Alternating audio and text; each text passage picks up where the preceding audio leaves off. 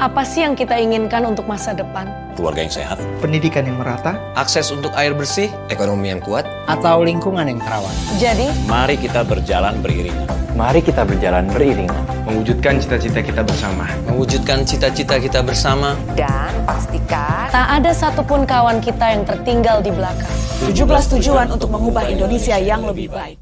Di SDGs global maupun uh, Perpres 59 2017 uh, terdiri atas 17 goals di SDGs desa 18. Ada satu goals yaitu goals 18 kelembagaan desa dinamis dan budaya desa adaptif. Ini khas Kementerian Desa, khas milik desa. Kenapa? Khas SDGs desa. Kenapa?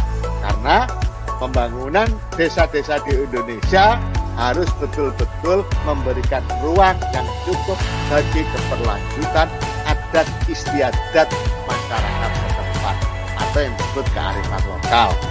SDGs 18 ini di samping sebagai sebuah goals juga merupakan warna, memberikan warna kepada proses pencapaian 17 goals yang lainnya.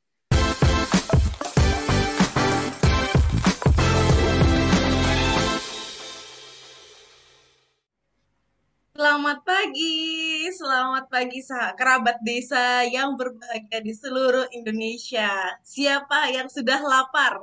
Karena hari ini sarapan SDGs Desa bersama Kemen Desa akan membahas sarapan yang bergizi karena kita akan membahas tentang kemiskinan dari kacamata desa. Kalau di episode lalu kita sempat berbicara mengenai apakah bisa desa tanpa kemiskinan atau tanpa dan tanpa kelaparan gitu ya dan hari ini kita ingin melihat sebenarnya kemiskinan itu dilihat dari kacamata siapa? Apakah benar desa yang kita anggap miskin ternyata bagi mereka mereka tidak miskin? Dan hal-hal seperti itu yang ingin kita bahas dan kita gali lebih dalam bersama uh, Kemen Desa PDTT dan telah hadir pagi hari ini ada Prof Yoyon Suryono. Selamat pagi Prof Yoyon. Selamat pagi, Assalamualaikum warahmatullahi wabarakatuh segar sekali, Prof. Sepertinya sudah lapar ya, Prof. Atau sudah siap menyuguhkan, Prof? ya. Menu sarapan kita pagi hari ini adalah mengenai kacam kemiskinan dari kacamata desa, Prof. Kalau dari uh, episode lalu kita bicara tentang desa tanpa kemiskinan, desa tanpa kelaparan. Bisa sedikit bocorkan, Prof. Mengapa kita sampai hari ini harus menggali kembali dari mana sih kemiskinan itu dilihat dengan kacamata yang mana? Silakan, Prof. Ya, terima kasih Mbak Umay, Pak Koco. Ini ada Pak Arif juga nih kelihatannya. Pak Arif, selamat pagi Pak Arif. Ya, Bapak Ibu sekalian yang menyaksikan tayangan pagi hari ini. Ya. Senang sekali ketemu lagi pada pagi ini. Dan tema yang sangat penting ya sekaligus sangat strategis dalam konteks pencapaian tujuan-tujuan pembangunan ya, berkelanjutan ya. TPB tujuan pembangunan berkelanjutan atau SDGs desa. Tentang kemiskinan dilihat dari kacamata desa tentu eh, orang-orang desa sendiri yang bisa mengatakan itu secara sejujurnya dan sebenar-benarnya. Tapi sebagai mantan mantan orang desa ya dan sekarang kembali ke desa. Kalau bicara fenomena kemiskinan itu satu uh, susah makan, ya susah makan. Artinya jangankan makan yang bergizi ya, makanan-makanan keseharian yang ada pun ya yang harus ada sebetulnya juga tidak terpenuhi itu soal makan dulu ya. Artinya kebutuhan eh, minimum eh, fisik soal makan. Karena makan itu ada kaitannya dengan lanjutannya dengan kesehatan, kebugaran fisik dan seterusnya. Termasuk eh, kecerahan atau kemampuan berpikir secara baik ya, kaitannya ke situ. Termasuk tadi pengembangan-pengembangan dimensi-dimensi fisik ya manusia. Ya, tanpa fisik juga saya kira tanpa tanpa makanan saya kira asupan makanan yang baik saya kira ya, fisik menjadi ya.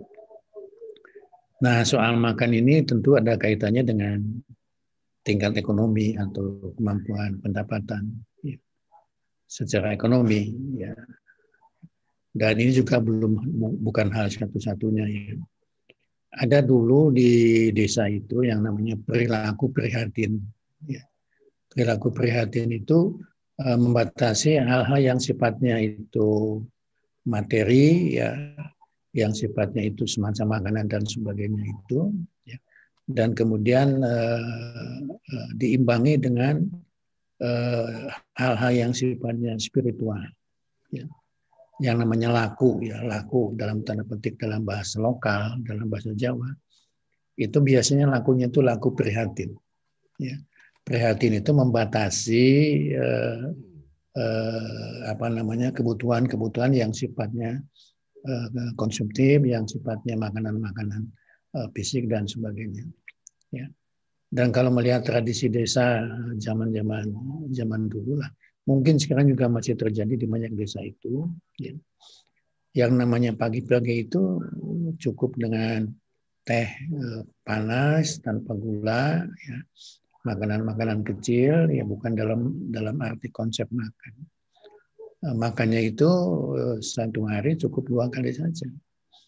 Ya, siang itu kalau paten itu siang jam sebelasan, ya, ibu-ibunya membawa bakul dan sebagainya, eh, apa namanya eh, mengunjungi suaminya yang sedang bekerja di sawah dan jam-jam itu jam-jamnya makan siang.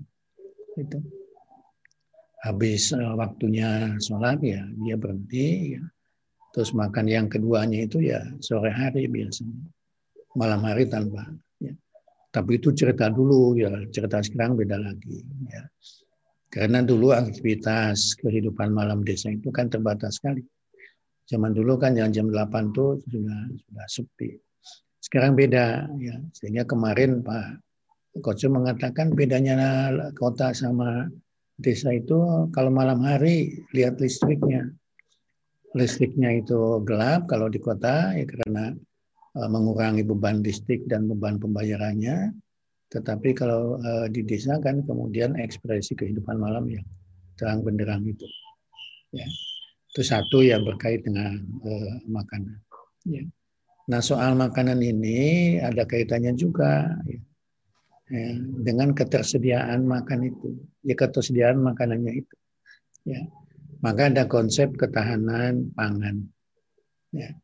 Ketahanan pangan itu konsep sederhananya ya, eh, tersedia berbagai jenis pilihan bahan makanan ya, yang bisa memenuhi kebutuhan eh, fisik secara minimum. Ya. Dan bahan pangan ini eh, dulu beragam, beragam, beragam sekali ya. Waktu waktu apa namanya belajar tentang ilmu bumi lah kalau bahasa saya dulu itu ya Madura itu produksinya jagung. Gunung Kidul itu makanannya dari tel ke tela itu gaplek atau apa pun namanya. Dan sekarang orang-orang kota kalau pergi ke Gunung Kidul itu oleh-oleh yang disarinya itu ya ada gatot ada apa itu namanya yang dari ketela itu ya, ya itu Ya, dulu di belahan timur makanan pokoknya itu kan sagu ya. Sagu dan sejenis itu. Nah, karena kita apa surplus bahan pangan padi, beras, ya. kemudian semua itu diwajibkan apa, makanan itu berasal dari beras itu tadi. Berasal dari beras ya, atau jagung ya.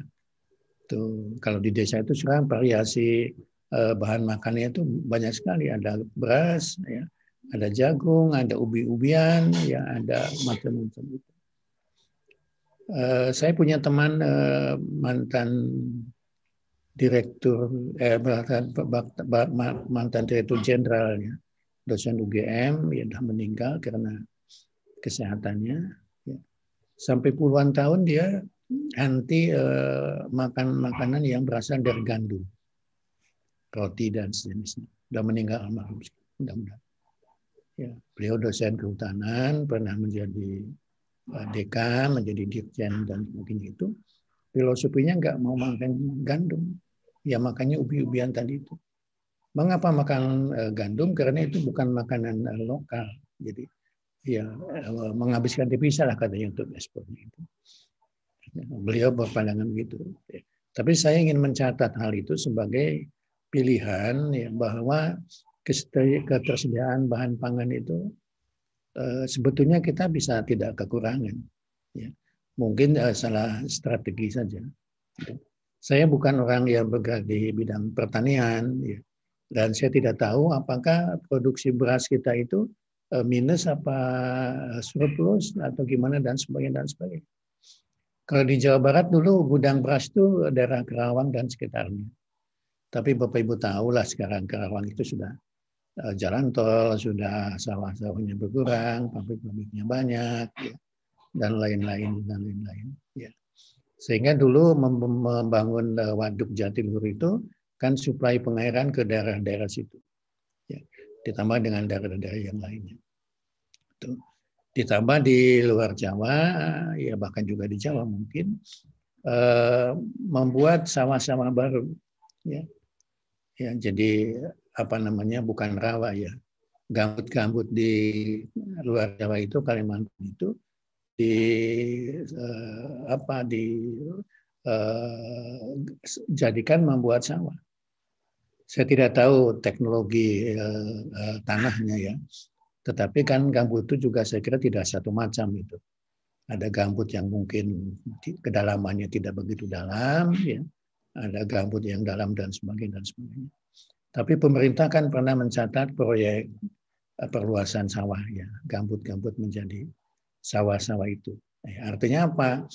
Uh, artinya kita ada masalah ketersediaan pangan di situ ditambah dengan fenomena hampir setiap saat kita mengimpor ya konon katanya mengimpor mengimpor beras ya India Vietnam Thailand dan sebagainya nah, saya tidak punya data uh, bagaimana itu kondisi uh, apa namanya supply kesediaan pangan itu meskipun kadang-kadang mendapat informasi Eh, beras-beras yang disimpan di bulog itu, di gudang-gudang bulog itu.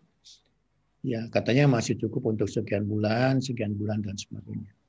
Meskipun kondisi berasnya saya kira Bapak Ibu tahu. Ya. Tuh. Jadi ketahanan pangan dalam konteks ini saya kira uh, bisa menjadi solusi, salah satu solusi untuk uh, mengurangi kemiskinan. Kalau kemiskinan itu dibatasi sebagai kekurangan uh, pangan tadi itu, kekurangan pangan. Ya. Yang kedua, saya kira di aspek yang lain, kalau kita menggunakan konsep konsep Jawa dulu lah, kearifan Jawa dulu, yang namanya sandang pangan papan itu menjadi kebutuhan yang yang utama. Ya. Saya jalan-jalan di satu tempat, saya melihat eh, apa namanya rumah, ya, kayak rumah menurut saya, ya tidak layak. Kemudian saya foto, saya posting di teman-teman itu. Eh, mereka menganggap wah itu perlu dibantu di di bedah rumah. Ya. Coba dilihat lebih lanjut itu kondisi rumahnya itu. Karena tertutup kayak rumah betul itu. Setelah saya minta tolong Pak Kepala Desanya, dilihat ini, ini eh ternyata informasinya, Pak itu bukan rumah tinggal, itu tapi eh, kandang sap, kandang kandang kambing gitu katanya. Saya bilang kok kandang kambing kok tidak kayak kandang kambing rumah Kacamata tinggal. melihatnya berbeda ya, Prof. Ya, kalau tidak tidak kayak rumah tinggal gitu. Ada dua itu benar sebetulnya. Jadi eh, ketersediaan pangan itu, eh, kesediaan papan itu luar biasa sekali. Kebutuhan perumahan itu ya. Saya tidak ingin bercerita ya, di, di Jakarta ya, di pinggiran rel kereta api, pinggiran sungai, ya, ya bagaimana kondisi-kondisi perumahan-perumahan yang kalau banjir Jakarta tentu itu katanya hanyut dan sebagainya dan sebagainya. Ya. Itu saya tidak ingin cerita di Jakarta lah. Ini kan ceritanya kan cerita desa ya. Di desa itu, ya di desa itu, saya juga kagum ya dengan desa itu. Artinya eh, di banyak desa lah, di banyak desa di Indonesia. Ya. Rumahnya itu bagus-bagus. Bagus-bagus. Bagus itu artinya apa? Terbuat dari tembok, ada keramiknya dan sebagainya. Tapi ada juga yang memang masih betul-betul mengawal apa memperhatikan dia tinggal di uh, masih lantai tanah, ya. atapnya kalau hujan bocor dan sebagainya. itu ya miskin dari sisi uh, papan. Ya. Dari sisi uh, sandang, ya orang desa itu beda dengan orang kota. Meskipun sekarang itu orang desa juga uh, apa namanya sandangnya itu juga sudah sudah beda dengan zaman dulu. Itu artinya sudah tampilan-tampilan kota. Pakai jeans, pakai t-shirt, ya, pakai jaket, pakai sepatu cat, ya kadang-kadang pakai kotak-kotak juga gitu kan jadi memang eh, sandang itu ya dan eh, bapak ibu tahu saya kira kebutuhan uh, sandang itu sekarang tidak sebesar kebutuhan yang namanya papan atau pangan tadi itu ya jadi miskin pangan miskin uh, papan miskin sandang dan sebagainya itu tiga indikator itu saja kita kalau bicara di desa mungkin variasinya juga tinggi sekali. Ada yang memang sudah tinggi, ada yang memang menengah, ada yang memang rendah. Uh, Gus Ivan saya kira apal itu persentase data-data uh, jenis-jenis uh, rumah yang seperti itu. Karena salah satu indikator kemiskinan itu kan rumah, ya pendapatan dan lain-lain. Ya, ada orang itu rumahnya jelek tapi hewan peliharaannya banyak sekali ada sapi, ada kambing, ada ayam, dan lain-lain. Itu kan menjadi satu indikator juga. Berikutnya, Mbak Umay, Bapak Ibu sekalian, tidak hanya sandang pangan dan papan sebetulnya, ya. Karena konsep eh, kebutuhan dasar sekarang itu, ya, kesehatan juga masuk di situ. Ya, kesehatan masuk. Ya. Tingkat kesehatan kita mungkin di desa ya belum seperti yang diharapkan ya. Yang diharapkan itu kan tidak ada tingkat kesakitan yang tinggi. Ya ya, ya ukuran-ukuran uh, uh, sehat itu kan bermacam-macam ya tingkat kelahiran, tingkat kematian dan macam-macam itu ya teknis-teknis pengukurannya. Tetapi uh, uh, kemiskinan itu ya dilihat juga dari dimensi kesehatan tadi itu ya. Dan oleh karena itu saya kira kita perlu mengapresiasi yang namanya puskesmas itu tidak hanya di di kecamatan ya. Di kecamatan pun sudah ada dua tiga puskesmas itu. Puskesmas pembantu ya puskesmas satu dua tiga dan macam-macam. Dan sejalan dengan itu apresiasi masyarakat terhadap kesehatan juga semakin tinggi ya. Dan kadang-kadang uh, apa namanya uh, sakit yang tidak perlu ke rumah sakit juga menjadi ke rumah sakit. Tapi ini juga menjadi satu tantangan berat ya meningkatkan tingkat kesehatan ya. Yang berikutnya saya kira yang lebih lebih lebih uh, penting sebelumnya juga tingkat pendidikan ya ya sebagai indikator kemiskinan tadi orang miskin kan sulit untuk uh, bersekolah ya ya. Jangankan ke ke perguruan tinggi SD saja kadang-kadang tidak tamat. SMP juga kadang-kadang tidak. Dan angkanya saya kira kita uh, yang bersekolah itu masih sangat sedikit sekali, ya, apalagi di desa. Nah, karena tingkat pendidikan ini berkait juga dengan keterampilan kerja, dengan kompetensi kerja dan sebagainya. Ya. Ada fenomena yang menarik Mbak Umay, Bapak sekalian. Ini cerita, cerita, cerita apa namanya keseharian, tetapi uh, ada kaitannya dengan yang kemarin kita bicarakan.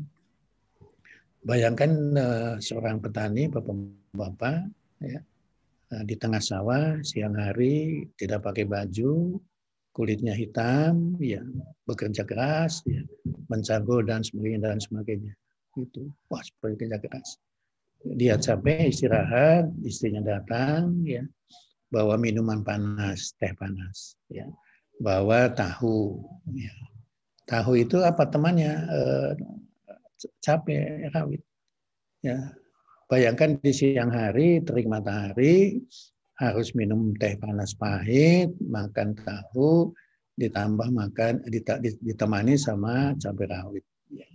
Baik, Prof Yoyo, saya izin kita kembali ke kembali ke cerita kita, Prof. Kalau dari awal kita kemarin bicara tentang kemiskinan dengan kelaparan, tadi gambaran desa yang disampaikan oleh Prof Yoyo menggambarkan uh, klasis kisah klasik yang kita sering temui di desa bahwa uh, bapak seorang bapak kemudian mencangkul di sawah siang istri membawakan uh, makanan sederhana minuman sederhana kepada suaminya dan bagi kita makanan itu mungkin adalah tidak menggambarkan kesejahteraan karena hanya teh tawar dan tahu seperti itu ya Prof.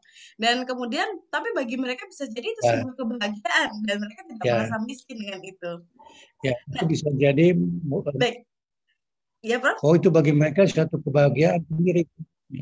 Baik. Nah, Itu Pak Ivan ya, dulu Prof. cobalah lihat ya kalau suatu saat Baik, buat itu Prof, kita ke Ya. Pak Ivan. Pak Ivan tadi eh, mungkin Pak Ivan eh, kita sapa dulu Pak Ivan Oh, Pak Ivan ada ya? sudah hadir. Ya Pak. Ya Pak Ivanovic sudah Ya. hadir. Eh, Pak Ivanovic tadi cukup cukup mendengar kisah eh, klasik tentang desa yang tadi disampaikan oleh Prof Yoyon bahwa bisa jadi yang kita anggap kemiskinan yang kita anggap adalah indikator-indikator miskin sebutlah bahan pangan, sebutlah waktu dan pekerjaan mereka, hasil yang mereka hasilkan bisa jadi dari indikator yang kita pakai, misalnya indikator Bappenas, kita merasa kita menganggap kita, mereka adalah eh, golongan miskin di desa gitu. Namun ternyata bisa jadi mereka tidak merasa miskin, sehingga kita perlu kemudian mengangkat topik ini kemiskinan dari kacamata desa.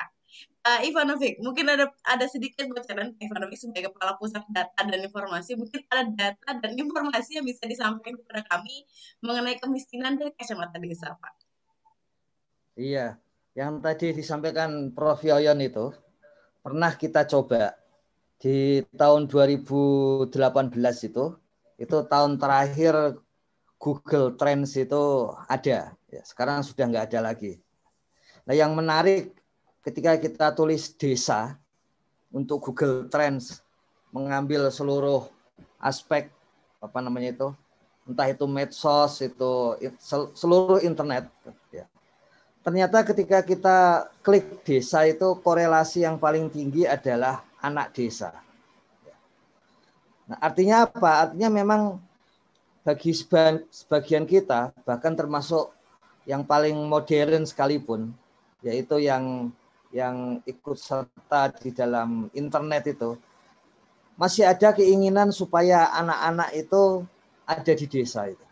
Jadi itu saya kira memberikan salah satu jawaban begitu. Kalau ada pihak-pihak yang meromantisir desa, yang tadi seperti Prof. Yoyon sampaikan, yang Mbak Ume sampaikan bahwa di desa itu terasa tentram dan sebagainya, itu ada benarnya. Jadi, jadi memang hampir semua semua kita itu membayangkan desa seperti itu dan bahkan kita menginvestasikan masa depan, yaitu kita memberikan anak-anak kita ruang itu untuk ke desa. Jadi memang dan memang itu menunjukkan juga bahwa harapan kita ke depan uh, masih seperti itu. Nah, tentang kemiskinan ini sendiri, ini sebetulnya di dalam SDGs desa kita tidak muluk-muluk begitu. Kita kembali kepada warga desa sendiri, yang dia masuk dengan miskin siapa dulu. Ini menarik ini, Ume. Karena ketika melakukan uji coba SDGs desa secara penuh, ya, secara penuh itu artinya kepada seluruh warga desa di empat desa di dua desa di Jawa Tengah, dua desa di Jawa Timur. Ini yang menarik adalah semua ciri-ciri kemiskinan kita tanya, kita tanyakan. Jadi keluarga A itu berapa orang kita tanyakan satu persatu berapa luas rumahnya karena ada kode etik internasional luas rumah per orang itu minimal tertentu gitu supaya orang tidak berjajar di satu rumah gitu. Bagaimana kondisi rumahnya? Kita tanyakan juga seluruh aspek pendapatan yang dimiliki dalam setahun ya. Kemudian kita tanyakan juga seluruh aspek pengeluaran yang dimiliki dalam setahun. Kita tanyakan soal makanannya dan sebagainya. Nah, yang menarik adalah hampir seluruh indikator itu itu kalau kita pakai indikator yang sekarang digunakan mestinya miskin. Tapi ketika kita tanyakan yang terakhir kesimpulan dari masing-masing keluarga di desa itu, ya, tidak ada satupun yang mengatakan ini rumahnya kumuh. Tidak ada. Padahal dalam dalam indikator mestinya itu rumahnya kumuh. Tidak ada yang mengatakan bahwa pengeluarannya dan pendapatannya itu itu terasa kurang. Padahal dia pendapatannya itu sudah di bawah 300 ribu per bulan. Ya, 300 ribu per bulan. Nah, artinya apa? Artinya memang ada satu perbedaan mungkin dari empat desa yang sudah kita ambil seluruh seluruh apa namanya data penduduknya ya yang jumlahnya kira-kira 8.000 orang. Itu memang ada senjang antara definisi nasional dengan yang ada di desa. Dan mungkin mungkin di desa memang jauh lebih rendah garis kemiskinannya daripada di kota saya kira sementara itu Ume ya kalau di Indonesia sendiri sih berbahagia yang hidup di sekitar Jawa itu karena garis kemiskinannya relatif rendah itu. Ya. Justru yang di luar Jawa yang dan di Indonesia itu dari sejak Bangka Belitung itu terpisah sebagai provinsi tersendiri, itu rekor garis kemiskinan tertinggi hampir selalu dipegang oleh Bangka Belitung. Artinya kalau kita hidup di Bangka Belitung itu hidup yang paling mahal itu kalau di sana. Kira-kira seperti itu. Baik, Pak Ivanovic, saya kembali ke kemarin kita membahas mengenai desa tanpa kemiskinan dan desa tanpa kelaparan versi SDGs. Lalu Pak Ivanovic sempat menyatakan bahwa nanti uh, ukuran kemiskinan atau data kemiskinan akan menggunakan indikator dari masing-masing desa atau garis kemiskinan masing-masing desa. Lalu pertanyaan saya kemudian adalah saat kita menciptakan atau menentukan garis kemiskinan per desa otomatis ada indikator yang kita gunakan. Lalu indikator apa Pak yang kita gunakan Pak untuk mengukur desa tanpa kemiskinan versi SDGs? Iya, kita yang pertama sebelum kita punya data tentang persepsi miskin dari orang desa, tentu saja kita menggunakan cara-cara konvensional yang sudah ada. Ya. Jadi kalau menggunakan eh, proporsi-proporsi atau istilahnya kemiskinan mikro itu, maka kita menggunakan ada 19 indikator dan kalau ada 9 indikator memenuhi maka tergolong miskin apalagi kalau 11 indikator dan kemudian kalau kemiskinan makro karena sekarang kita punya data pengeluaran dan pendapatan dari masing-masing keluarga di desa, kita akan membaginya dan kemudian menyusunnya menjadi 10 tingkatan, kemudian kita mengambil proporsi terutama yang paling bawah gitu. Dan kemudian kita akan menunjukkan sebetulnya kalau di konvensinya itu ada 2100 kilokalori ya per orang per hari. Kalau kita menggunakan versi langsung uh, gizi gitu. Tapi itu sudah sudah ada hitungan kalau kita membeli apa namanya membeli beras itu asumsinya berapa kalori dan sebagainya. Sampai kalau kita memperbaiki rumah itu bisa dihitung dengan kalori karena itu persoalan apa moneter saja menghubungkan antara uh, harga barang-barang di rumah dengan harga barang-barang makanan gitu. Nah, kita akan gunakan seperti itu, Ume. Kalau kita hitung menurut BPS itu ada sekitar 125 indikator untuk melihat garis kemiskinan makro yang kita sering dengar sekarang kemiskinan desa 13 persen itu. Kalau kita gunakan DTKS, maka paling tidak kita ada 19 indikator. ya Meskipun nama indikatornya sekarang sudah berubah, lebih tinggi setelah dikritik tahun lalu. Ya. Nah, setelah itu kita akan bandingkan, kita akan bandingkan dengan yang paling mudah ini. Ketika warga desa mengatakan ini tetangga saya yang A ini miskin. Nah, paling mudah kita akan mencek nanti. Setelah kita lihat warga A itu miskin, kemudian pendapatannya dan pengeluarannya berapa semua warga desa yang miskin di desa itu, kita cek pendapatan, pengeluaran, indikator rumah, indikator makanan, indikator pakaian, dan sebagainya. Seperti itu. Jadi kita akan mengetahui garis kemiskinan yang formal dan garis kemiskinan versi masing-masing desa. Ya. Anunya langgamnya seperti itu. Baik, itu uh, langgam, langgam Jawa Pak, saya ingat ya Pak. Baik, ya. Pak Ivan, uh, saya sampaikan ada Pak Selamat Mubarak di sini kemarin juga beliau sempat mempertanyakan uh, mengenai desa tanpa kemiskinan. Kita sapa terlebih dahulu Pak Selamat Mubarak dari Banyumas ya Pak. Halo Pak. Ya, halo uh, Mbak Umay. Iya Pak, selamat mubarak. Uh, saya sempat mencatat kemarin uh, sempat mempertanyakan bahwa bila kita menggunakan indikator yang ada di desa masing-masing, maka kemudian akan terjadi perbedaan uh, penggolongan atau perbedaan pengklasifikasian. Misalnya bisa jadi di desa Bapak beliau tergolong tidak miskin, namun dengan dengan menggunakan indikator teman di desa yang lain ini menjadi uh, beliau tergolong miskin. Nah mungkin ada ini mumpung ada Pak Ivanovic, ada yang ingin ditanyakan Pak. Ya, Silakan Pak Selamat. Sedikit saja ya Pak. Ini uh, Gus Ivan dan Mbak Ume. Jadi untuk menentukan uh, miskin, mestinya ada indikator yang jelas.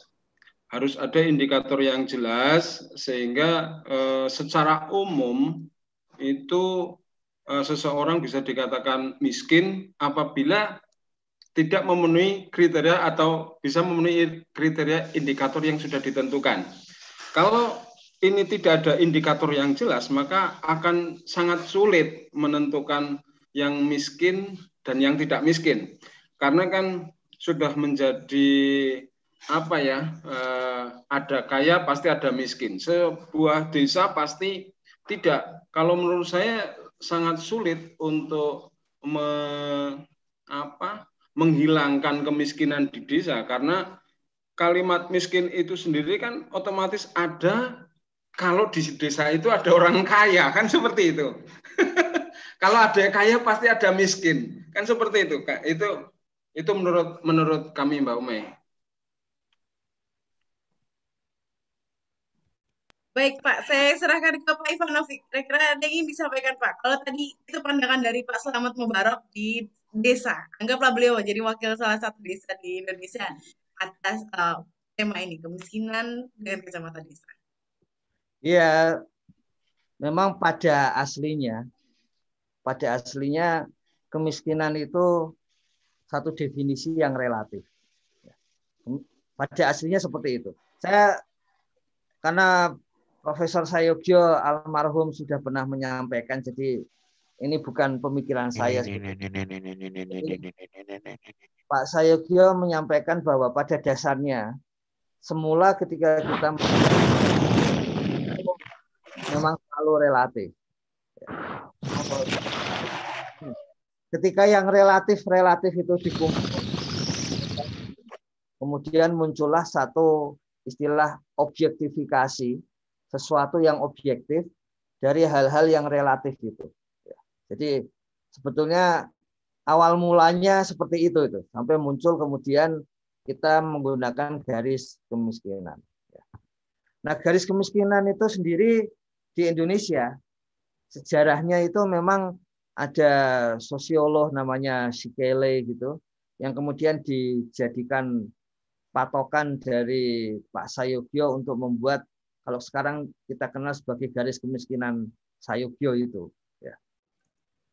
kita perlu ingat itu karena ketika garis kemiskinan Sayogyo itu kemudian diuji coba, menguji coba di tahun 71 itu, itu adalah dengan penggunaan apa namanya gizi dari makanan.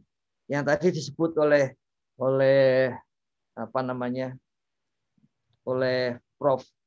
Gus Prof. Yoyon itu ya dengan berbagai makanan tadi itu sebetulnya itu sudah dicoba di tahun 71. Baik itu menggunakan beras maupun menggunakan ubi ya, maupun menggunakan apa makanan yang lain sagu ya. Dan kemudian dirumuskanlah sesuai dengan kesepakatan yang eh, internasional itu 2100 kilokalori ya per orang per hari. Nah, yang menarik adalah sejak awal sejak awal ini Profesor Sayegyo itu menemukan bahwa sebetulnya 2100 kilokalori itu itu cara pandang yang memang kesepakatan dunia itu ya. Di Indonesia apakah sama? Ya. Realnya kita menggunakan itu, maka justru orang-orang yang bekerja dengan fisik dia akan butuh lebih banyak kalori. Ya kan? Kita sudah tahu itu sekarang. Orang-orang yang banyak bekerja dengan tulisan, cuman dengan ngetik, dia lebih lebih butuh banyak protein daripada kalori. Ya. Kita tahu sekarang paradoksnya. Kalau dulu mungkin nggak terlalu dirasakan. Sekarang kita tahu paradoksnya. Kalau kita gunakan garis kalori, ya, maka para petani itu garis kemiskinannya akan sangat tinggi. Jauh lebih tinggi daripada misalnya para dosen. Ya. Karena dosen tidak kalau dosen terlalu banyak makan kalori gemuk duluan itu karena tidak banyak tenaga yang dikeluarkan ya tenaga fisik yang dikeluarkan. Nah kita bayangkan sekarang kalau kita menggunakan garis internasional seperti itu itu maka justru yang sering kita anggap ya dalam pikiran kita yang sering kita anggap orang miskin malah dia punya garis kemiskinan gizi lebih tinggi gitu. Nah, tapi di desa-desa di Indonesia ternyata garis kemiskinannya sejak sejak pertama kali diukur paling tidak oleh Profesor Saikjo itu itu memang lebih rendah daripada di kota. Ya, jadi sejak awal seperti itu. Jadi kalau menggunakan kilo kalori tadi itu rata-rata orang desa itu ternyata hanya 1.800 kilokalori. Jadi kalau garis internasionalnya 2100, ini 1800. Bahkan untuk orang sampai kelaparan itu sampai 1300. Artinya apa? Artinya kalau kita menggunakan garis yang umum, ternyata di desa pun sebetulnya lebih lebih rendah dari awal seperti itu. Ya. Hanya memang ketika garis kemiskinan Eh, Sayugyo ini kemudian diterima luas dan kemudian BPS menggunakan garis kemiskinan itu untuk menghitung kemiskinan ya. Itu yang digunakan langsung internasional. Jadi 2100 kilokalori. Ya. Jadi kalau sekarang nanti di bulan Mei Juni itu kita akan temukan garis kemiskinan desa ya. Yang artinya garis kemiskinan yang disepakati secara diam-diam ya. Secara diam-diam artinya karena itu ditanyakan di dalam kuesioner ya. Belum tentu kadesnya menanyai satu persatu tapi karena itu ditanyakan di dalam kuesioner SDGs desa nanti kades pun akan mengetahui sebetulnya warganya itu menganggap yang miskin itu yang seperti ini. Kita duga dengan pengalaman selama ini ya itu nanti akan memang akan lebih rendah dari cara pandang kita saat ini gitu tentang tentang uh, kemiskinan yang secara makro. Tapi kalau kita gunakan kemiskinan uh, secara mikro, ya, kalau ingin menggunakan kemiskinan secara mikro, maka itu biasanya lebih tinggi dari garis kemiskinan secara makro. Lebih tinggi dari garis kemiskinan secara makro. Artinya apa? Lazimnya garis kemiskinan makro makro itu karena sifatnya survei. Sekarang kita jadi tahu bahwa karena dia lebih banyak menghitung pengeluaran dan pendapatan, ya, maka dimensi kemiskinan lain tidak ikut terhitung. Ya. Dan ketika dimensi kemiskinan lain tidak ikut terhitung, maka ya garis kemiskinannya sebetulnya ya, masih akan lebih rendah lagi. Jadi artinya apa? di desa nanti kalau kita hanya hitung dengan basis gizi dan pengeluaran ya mungkin jadi lebih rendah ya. meskipun BPS hampir selalu menghitung lebih tinggi ya. kenapa lebih tinggi karena patokan harganya patokan harganya itu harga beras yang dijual di toko. Bukan harga beras yang ada pada petani atau orang desa atau di warung-warung desa tapi harga beras yang ada di pasar, di toko di pasar. Jadi jadi memang lebih tinggi. Bahkan sempat ada tulisan Pak Sayugyo di tahun 80-an, akhir 80-an, mengapa harga beras di desa lebih tinggi dari di kota? Dalam dokumentasi atau dalam hitungan-hitungan BPS. Dan sejak saat itu kemudian ada perubahan cara menghitung BPS tentang tentang harga beras itu ya. Jadi memang ini sangat sangat dinamis ya.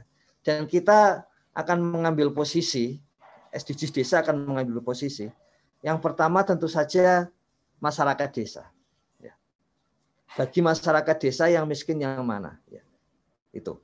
Baru kemudian kita akan merumuskan indikatornya yang khas bagi masyarakat desa. Itu tidak sulit itu karena sebetulnya semuanya saat ini ada aplikasinya di dalam statistik itu langsung akan muncul kemiskinan generik desa-desa se-Indonesia, kemiskinan tambahan uh, tambahan indikator yang harus muncul untuk desa-desa tertentu.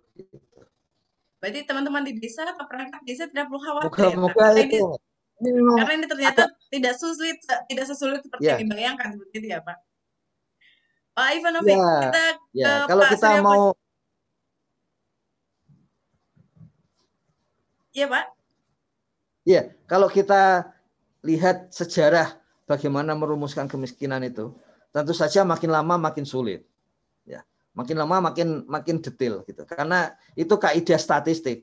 Kalau kita tanyakan lebih detail kita akan tahu lebih banyak. Kan sebetulnya seperti itu ya. Tapi aslinya semula itu memang cara menghitungnya sederhana. Orang-orang menganggap dia miskin seperti apa. Dan kemudian dari situlah secara induktif ya, dari pandangan-pandangan itu kita rumuskan kemiskinannya seperti apa. Kita akan kembali ke situ supaya kita, kita, berarti kita akan kembali ke pola itu ya Pak kita menggunakan yeah, yeah. definisi induktif dari uh, yeah. kemiskinan di desa yeah. kemudian itu yang kita bawa kemudian menjadi indikator yang uh, lebih luas lagi itu bisa ya. diaplikasikan yeah. di desa-desa lain so ini uh, nih, ya tambahan sedikit ya tadi Sorry. yang disampaikan Pak Mubarok itu ya itu satu hal ya jadi apa namanya kok justru pengen kemiskinannya distandarisasi ya tapi kita harus ingat, pengkritik yang lain mengatakan kemiskinan kok distandarisasi se-Indonesia. Padahal kan tiap-tiap desa berbeda-beda. Nah, kita akan akan mengambil keputusan di antara dua dua pihak yang berbeda itu. Yang pertama, seluruh data yang dibutuhkan untuk pihak yang ingin standar dan pihak tidak ingin standar itu, yang ingin beda-beda itu, seluruh datanya akan disediakan oleh database SDGs desa. Jadi terserah mau pakai indi uh, paradigma yang mana. Yang kedua, kita akan menemukan yang khas dari masing-masing desa, gitu. Karena kenyataannya, Ume, kenyataannya adalah kesadaran bahwa warga desa ini ada yang miskin itu perlu itu. Ternyata selama ini ya, selama ini beberapa studi, apalagi setahun terakhir ini, ketika kepala desa, perangkat desa, tokoh-tokoh desa mengatakan bahwa enggak ini enggak miskin ini, salah ini. Yang mengatakan miskin dari pusat mengatakan ini miskin sehingga dapat bantuan salah itu. Dan selama ini orang yang dianggap salah itu ya, ya memang tidak dibantu. Orang yang selama ini dibantu oleh RT ya, orang yang selama ini dibantu tetangganya, dibantu oleh kepala desa, kenapa kok malah nggak nggak pernah dapat bantuan? Ya. Selama setahun ini kalau kita baca paling tidak media massa kan kritiknya seperti itu. Ya. Makanya di tahun 2021 kita akan menengahi dua cara pandang itu dengan cara pembuktian bagi warga desa seperti ini loh ciri-ciri dari keluarga dan orang miskin itu yang tidak bisa dibantah lagi karena itu ditanyakan langsung secara sensus ke seluruh warga desa. Gitu. Berarti itu. indikatornya, uh, maaf, berarti nanti uh, kuesioner yang akan diisi uh, oleh teman-teman uh, di desa adalah uh, dengan uh, kuesioner tersebut kita akan punya indikator per masing-masing desa. Lalu kemudian data dari masing-masing desa itu yang kemudian dinasionalkan, Pak, menjadi data global. Seperti itu, Kak, Pak? Iya, tapi Berarti, kita tetap hitungannya per desa, per desa. ya. Berarti teman-teman di desa tidak ya. perlu khawatir ya Pak bahwa misalnya di desa saya ini uh, hanya kemiskinan sudah 0% menurut saya gitu. Tapi uh, menurut indikator desa saya, tapi ternyata saat indikator global oh desa itu masih terlalu, masih miskin gitu ya. Berarti ya. tidak perlu khawatir dengan hal itu ya Pak, karena angka yang kita uh, pakai sebagai desa 0% kemiskinan adalah angka, angka dengan perhitungan indikator dari desa tersebut ya Pak. Ya, dan itu sudah dilakukan ya Ume ya. Baik, Jadi, itu sudah dilakukan. Desa yang yang menyatakan dirinya tidak ada lagi orang miskin sepanjang 2020 ya. Itu tidak ada bantuan sosial yang masuk ke desa itu. Jadi ada satu desa di Jawa Timur di lereng gunung yang menyatakan dia sudah tidak miskin lagi dan seluruh bantuan sosial dari pemerintah pusat, pemerintah daerah provinsi dan pemerintah daerah kabupaten itu itu tidak ada yang tidak ada yang masuk ke desa itu. Di Indonesia saat ini ada belasan desa. Ya. Baik itu berarti desa tersebut sudah mendeklarasikan yeah. diri bahwa dengan indikator mereka sendiri tidak ada lagi desa uh, warga miskin di desa tersebut ya Pak. Ya, ber, maksudnya berikut konsekuensinya ya. Berikut konsekuensinya. Apakah desa tersebut kemudian dana desanya semakin kecil Pak? Saya melanjutkan pertanyaan kemarin bahwa bila yeah. tidak ada orang miskin di desa kami khawatir dana desa kami akan semakin sedikit. Ya, pasti semakin semakin kecil untuk ukuran jumlah jumlah orang miskin. Jadi ada ada jadi mulai tahun tahun ini ya antara tambahan untuk untuk orang miskin itu tambahan formula untuk jumlah orang miskin dengan tambahan formula untuk kinerja desa itu sekarang sudah sama. Kalau tahun yang lalu ada tiga persen tambahan dana desa itu kalau desa itu banyak kemiskinan. Ya. Kemudian tahun berikutnya itu diturunkan menjadi dua persen, tambahan dua persen dana desa. Kalau desa itu banyak orang miskin, plus satu persen kalau desa itu kinerjanya bagus. Tahun 2021 sudah satu banding satu. Ya. Saya kira ke depan arah dari Gus Menteri dan Menteri Keuangan serta Menteri Dalam Negeri itu kinerja itu akan diberi persentase lebih, lebih tinggi besar. daripada ya, lebih besar ya daripada masalah gitu. Ya. Baik, sehingga sehingga terpacu buat menjadi penyelesai masalah ya Pak, bukan terpacu ya. menjadi um, memperbanyak kemiskinan seperti itu Pak Ivan. Benar, benar, benar. Baik Pak Ivan, kita ke Pak Suryo Koco terlebih dahulu. Pak Suryo Koco. Ya, Ya, sepertinya ada yang ingin disampaikan Pak Surya Koca mengenai kemiskinan dari kacamata desa. Pak Surya Koca juga uh, termasuk berpengalaman ya Pak sebagai orang desa. Monggo Pak Koca. Menarik. Jadi yang disampaikan Prof Yayan sama apa Gus Ivan tadi buat saya menarik menariknya adalah ketika kemudian kita mencoba karena sekarang kita bicara tentang kemiskinan dari kacamata desa. Ah, teman-teman uh, di desa pasti butuh standarnya miskin itu seperti apa kan gitu. Artinya akan menganggap orang miskin seperti apa. Dan kalau kita coba lihat SDGs itu kemudian apa yang sempat saya tangkap kemarin itu ada ada data dari warga personal, ada data uh, ke KK, ada data kecamatan sampai data desa. Nah, yang disampaikan Prof. Yayan tadi mengingatkan saya pada saat mahasiswa dulu saya membuat tulisan bahwa uh, zaman Belanda itu lebih sejahtera nih daripada Indonesia merdeka. Kenapa?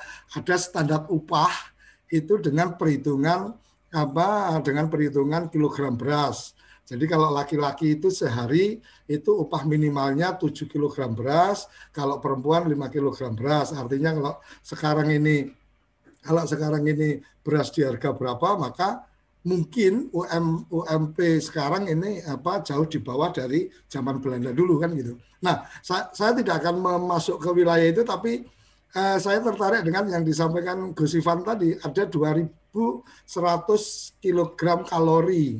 Nah, ketika 2100 kg kalori per orang per hari, maka sebenarnya kalau mungkin kita bisa identikan kalau uh, uh, bahan bahan makan mereka beras, maka satu on uh, beras itu sama dengan 130 uh, kilogram kalori umpamanya. Artinya artinya itu bisa dikonversikan bahwa orang dianggap miskin ketika kepala keluar, uh, kepala keluarga mungkin ya bukan orang tapi kepala keluarga dianggap miskin apabila kebutuhan minimal kalorinya di satu keluarga itu itu tidak terpenuhi identik dengan jumlah kilogram beras yang uh, dia bisa hasilkan uh, untuk dia bekerja. Mungkin itu akan menjadi lebih simpel dan teman-teman di desa menjadi lebih gampang bahwa oh ini masuk kategori miskin.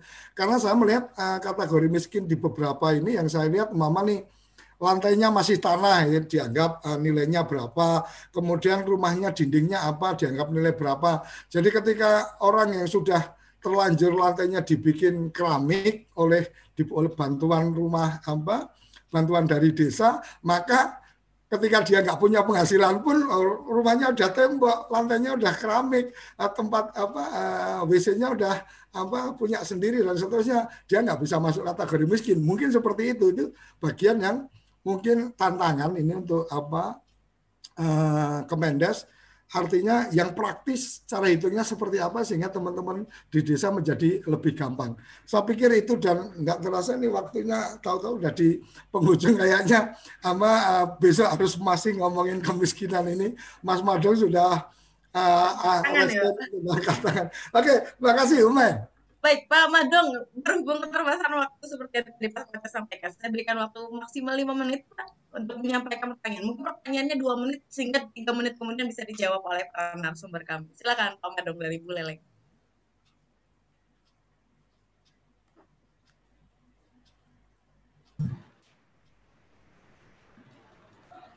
Ya, silakan Pak Madong. Swastiastu Pak Madong. Yuk. Halo, Swastiastu Pak Madong. Selamat pagi Pak Madong. Nah, sepertinya nge-freeze. Oke, kita kembali uh, kemudian saya kembali ke Pak Ivan Victor lebih dahulu sebelum kita ke Pak Madong. Pak Ivan, tadi cukup banyak uh, tanggapan mengenai uh, indikator kemiskinan yang disampaikan oleh Pak Ivan. Kira-kira ada yang ingin ditanggapi sebelum kita di menit terakhir kita kembali ke Prof. Yayan?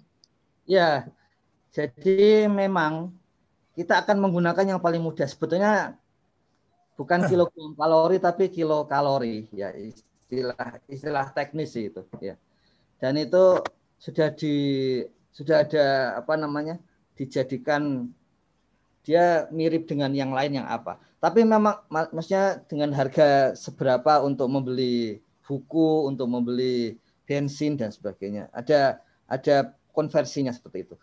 Tapi memang cara kita menentukan kemiskinan memang beda-beda. Contohnya yang tadi disampaikan yang yang terakhir oleh uh, Gus Koco itu bahwa kalau rumahnya sudah bagus otomatis tidak miskin itu mengingatkan kita pada garis kemiskinan yang dibuat oleh BKKBN. Ya, di situ dia ada istilah keluarga prasejahtera dengan keluarga sejahtera. Nah, bedanya apa dengan DTKS? Ya. Isinya di dalamnya mirip-mirip.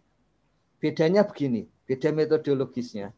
Kalau DTKS itu masih menggunakan proksi atau per, perkiraan 30 persen, 10 persen, 20 persen yang paling bawah. Ya. Jadi di, dicari yang seperti itu. Karena proksi pasti hampir pasti asumsinya survei ya. Kemudian kalau dulu kalau dulu DTKS itu modelnya adalah 14 eh, kalau ada 14 kriteria, apa pun kriterianya itu dari 19 kriteria itu terpenuhi, maka termasuk keluarga miskin. Nah, kalau yang BKKBN itu jenis jenis indikator yang tidak terpenuhi itu ditentukan. Ya.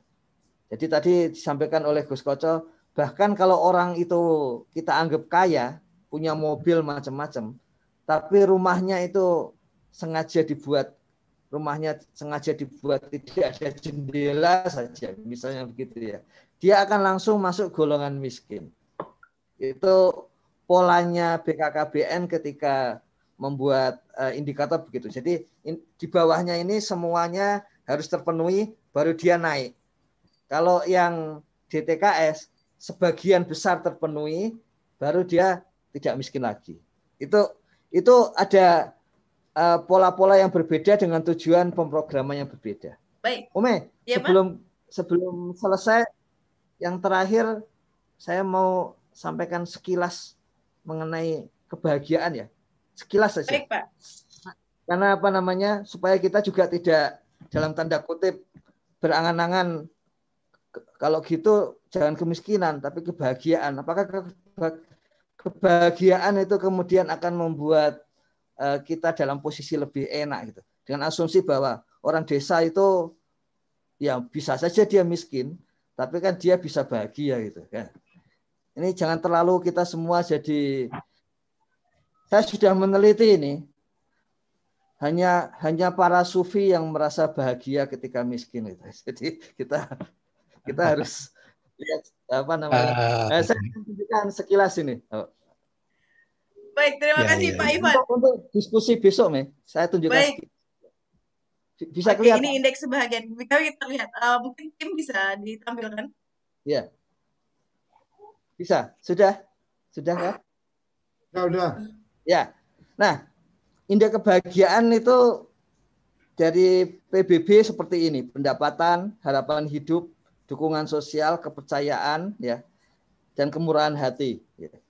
Tapi kita harus ingat ya, kita harus ingat. Ini kalau BPS, kebahagiaannya cara menghitungnya begini. Kepuasan hidup itu dilihat dari pendidikannya, pekerjaannya, pendapatan, kesehatan, kemudian keharmonisan keluarga, ketersediaan waktu luang ya.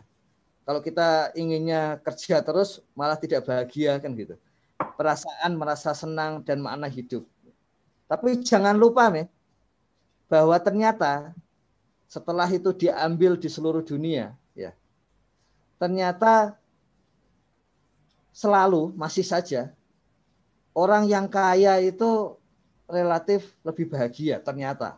Jadi kita kalau kita menggunakan indeks kebahagiaan itu negara-negara Finlandia, Norwegia, Denmark ya, negara-negara Islandia yang selama ini pendapatan per kapitanya selalu paling tinggi sedunia, dia juga sekaligus paling bahagia. Indonesia ada di mana? Ya. Indonesia ada di mana? Indonesia masih ada di golongan-golongan bawah seperti ini. Ya. Artinya apa? Artinya yang sering kita lupakan itu ya bahwa sebetulnya kita tidak pernah menanyakan langsung soal bahagia ya kan tapi kalau kita tanyakan pun ada korelasi loh antara bahagia itu dengan tadi kemiskinan itu ya kan orang-orang sering kali ya mungkin karena apalagi kita di sinetron sering kali yang bahagia itu selalu yang miskin-miskin seperti itu kan jadi seakan-akan itu tapi survei membuktikan survei membuktikan relasi seperti itu ya. jadi Baik. nanti jangan sampai pas kita diskusi wah kita ganti saja uh, garis kemiskinan dengan garis kebahagiaan saya khawatirnya ya sama saja nanti oh, baik baik akhirnya seperti itu Ya. Itu saya sepertinya seru Pak buat kita bahas besok mengenai miskin tapi bahagia. Is it real gitu? Apakah benar gitu? Ivan Afrika dan kerabat desa di seluruh Indonesia berbahagia.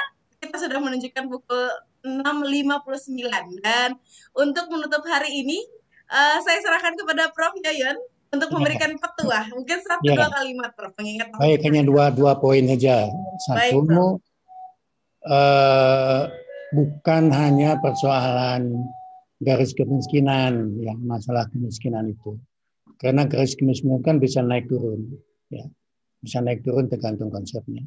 Yang penting dipahami itu adalah fenomena kemiskinannya. Ya. Bahwa ada di kehidupan manusia di Indonesia uh, dengan fenomena kemiskinan ya yang bisa dua versi itu membacanya itu. Versi orang luar dan versi orang dalam. Ya. Versi orang luar tadi sudah dijelaskan oleh Pak Ivan. Saya kembali ke Pak Sayogjo tadi, Prof. Sayogjo. Beliau itu kan sosiologi ya, sosiologi ya jadi mengamati yang terjadi di dalam kehidupan masyarakat itu, dia meneliti orang miskin, meneliti desa miskin dan sebagainya secara induktif ya. Kemudian sampai kepada satu kesimpulan garis kemiskinan tadi, ya, yang tentu berubah.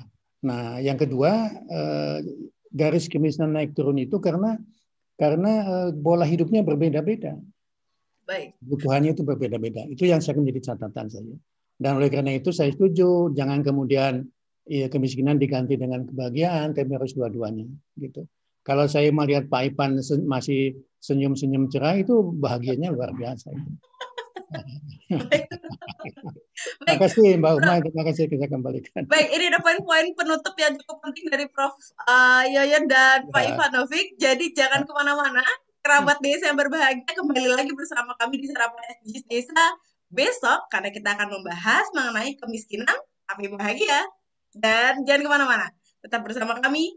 Besok ketemu lagi jam 6 pukul sehingga pukul 7 waktu Indonesia Barat. Sampai jumpa. Apa sih yang kita inginkan untuk masa depan? Keluarga yang sehat, pendidikan yang merata, akses untuk air bersih, ekonomi yang kuat, atau lingkungan yang terawat. Jadi, mari kita berjalan beriringan. Mari kita berjalan beriringan. Mewujudkan cita-cita kita bersama. Mewujudkan cita-cita kita bersama. Dan pastikan tak ada satupun kawan kita yang tertinggal di belakang. 17 tujuan untuk mengubah Indonesia yang lebih baik. Di SDGs global maupun uh, Perpres 59 2017 uh, terdiri atas 17 goals di SDGs desa 18. Ada satu goals yaitu goals 18 kelembagaan desa dinamis dan budaya desa adaptif ini khas Kementerian Desa, khas milik desa. Kenapa?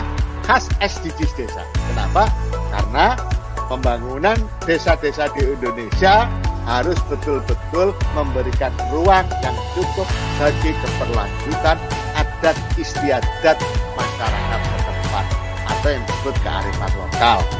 SDGs 18 ini di samping sebagai sebuah goals juga merupakan warna, memberikan warna kepada proses pencapaian 17 goals yang lainnya.